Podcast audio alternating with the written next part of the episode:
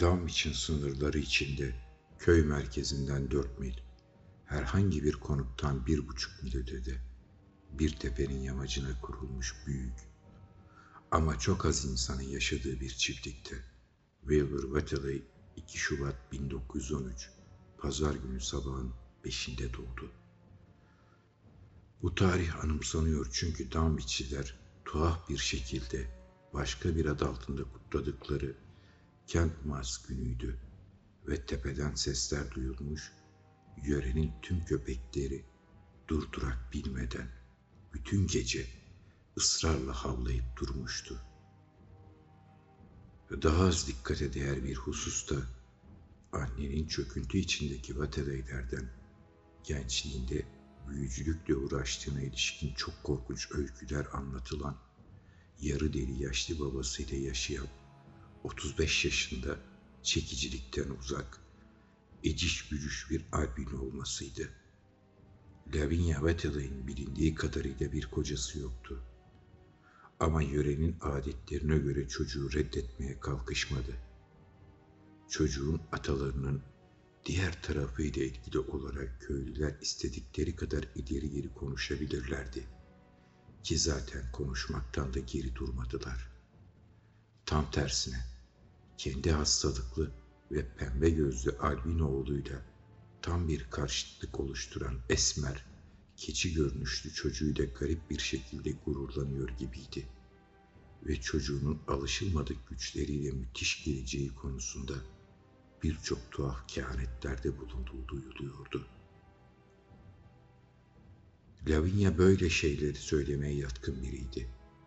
Çünkü fırtınalarda tepeler arasında dolaşan ve 200 yıldan beri Waterley'lerin birbirlerine miras bıraktıkları, eskidiği ve kurtlar tarafından kemirildiği için hızla parçalanmakta olan pis kokulu, koca koca kitapları okumaya çalışan yapayalnız bir yaratıktı. Hiç okula gitmemişti. Ancak ihtiyar Waterley'in kendisine öğrettiği antik irfandan kopuk kopuk bilgi kırıntılarıyla doluydu. Bu Irak çiftlik, ihtiyar Vatele'nin kara büyüdeki kötü ünü nedeniyle korkulup uzak durulan bir yerdi. Ve Lavinia 12 yaşındayken Bayan Vettel'in bir şiddet eğitimi sonucunda açıklanamayan ölümü buranın halkın gözündeki itibarını olumlu bir katkı yapmamıştı.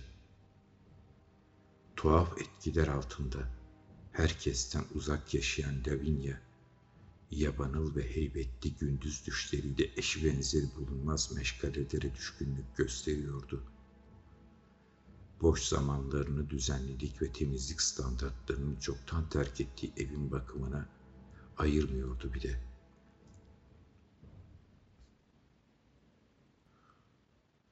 Wilbur'un doğduğu gece tepedeki gürültüler arasında bile yankılanan iğrenç bir çığlıkla köpek avlamaları duyulmuş.'' Ama dünyaya girişinde bilindiği kadarıyla hiçbir doktor veya ebe hazır bulunmamıştı. Bir hafta sonra ihtiyar Wateley kızağını Dunwich köyüne götürüp Osborne'un dükkanında vakit öldüren insanlara ipe sapa gelmez laflar edinceye kadar da komşular onun varlığından haberdar olmadılar. Yaşlı adamda bir değişiklik göze çarpıyordu bulanık zihninde onu korkunun nesnesi olmaktan öznesi olmaya dönüştüren bir sinsilik seziliyordu. Oysa hiçbir aile meselesinin sarsabileceği biri değildi.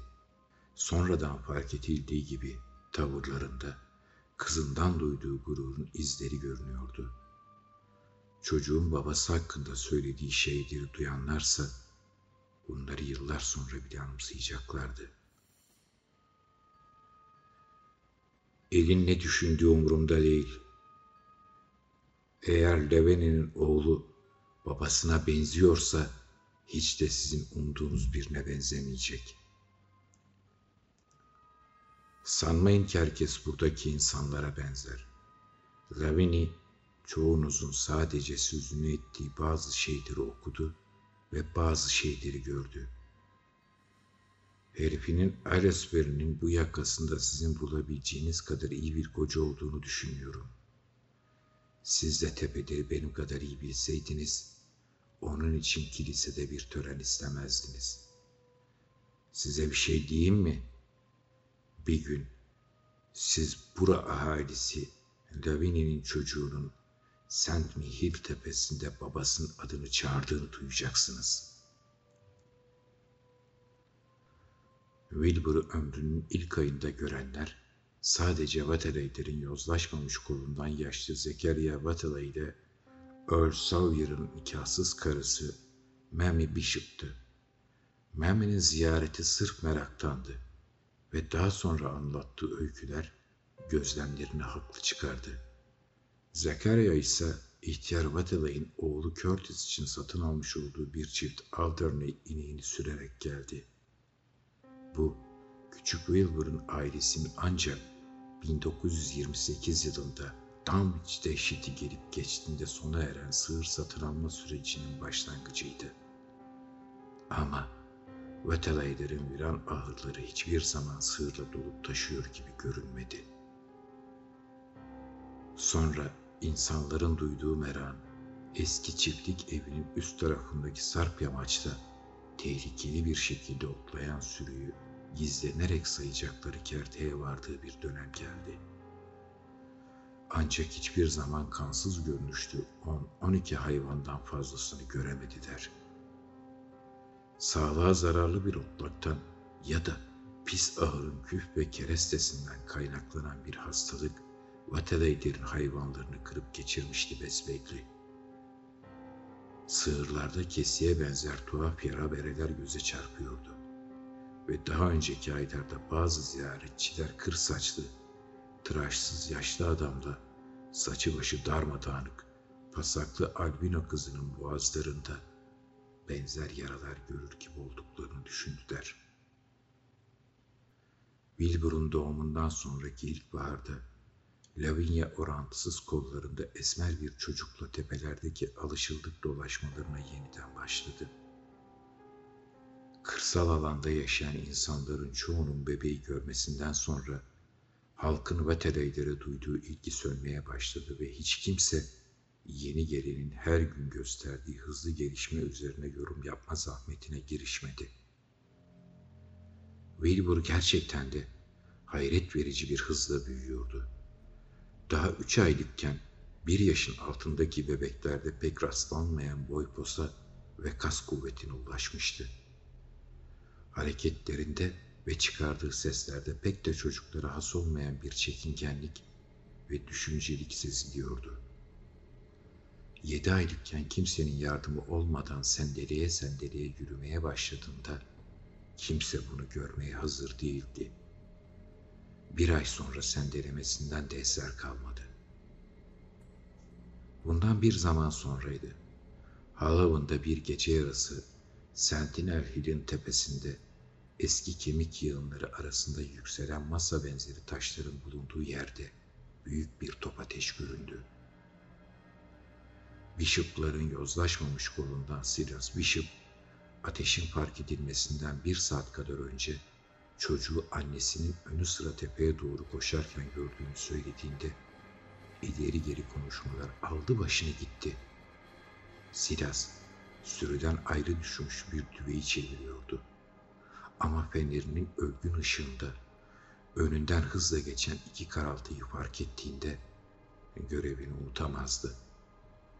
İki karaltı neredeyse sessizce çalıların arasından ileri doğru atıldı ve şaşkınlıktan dona kalmış tanığa sanki ikisi de çırçıplakmış gibi geldi.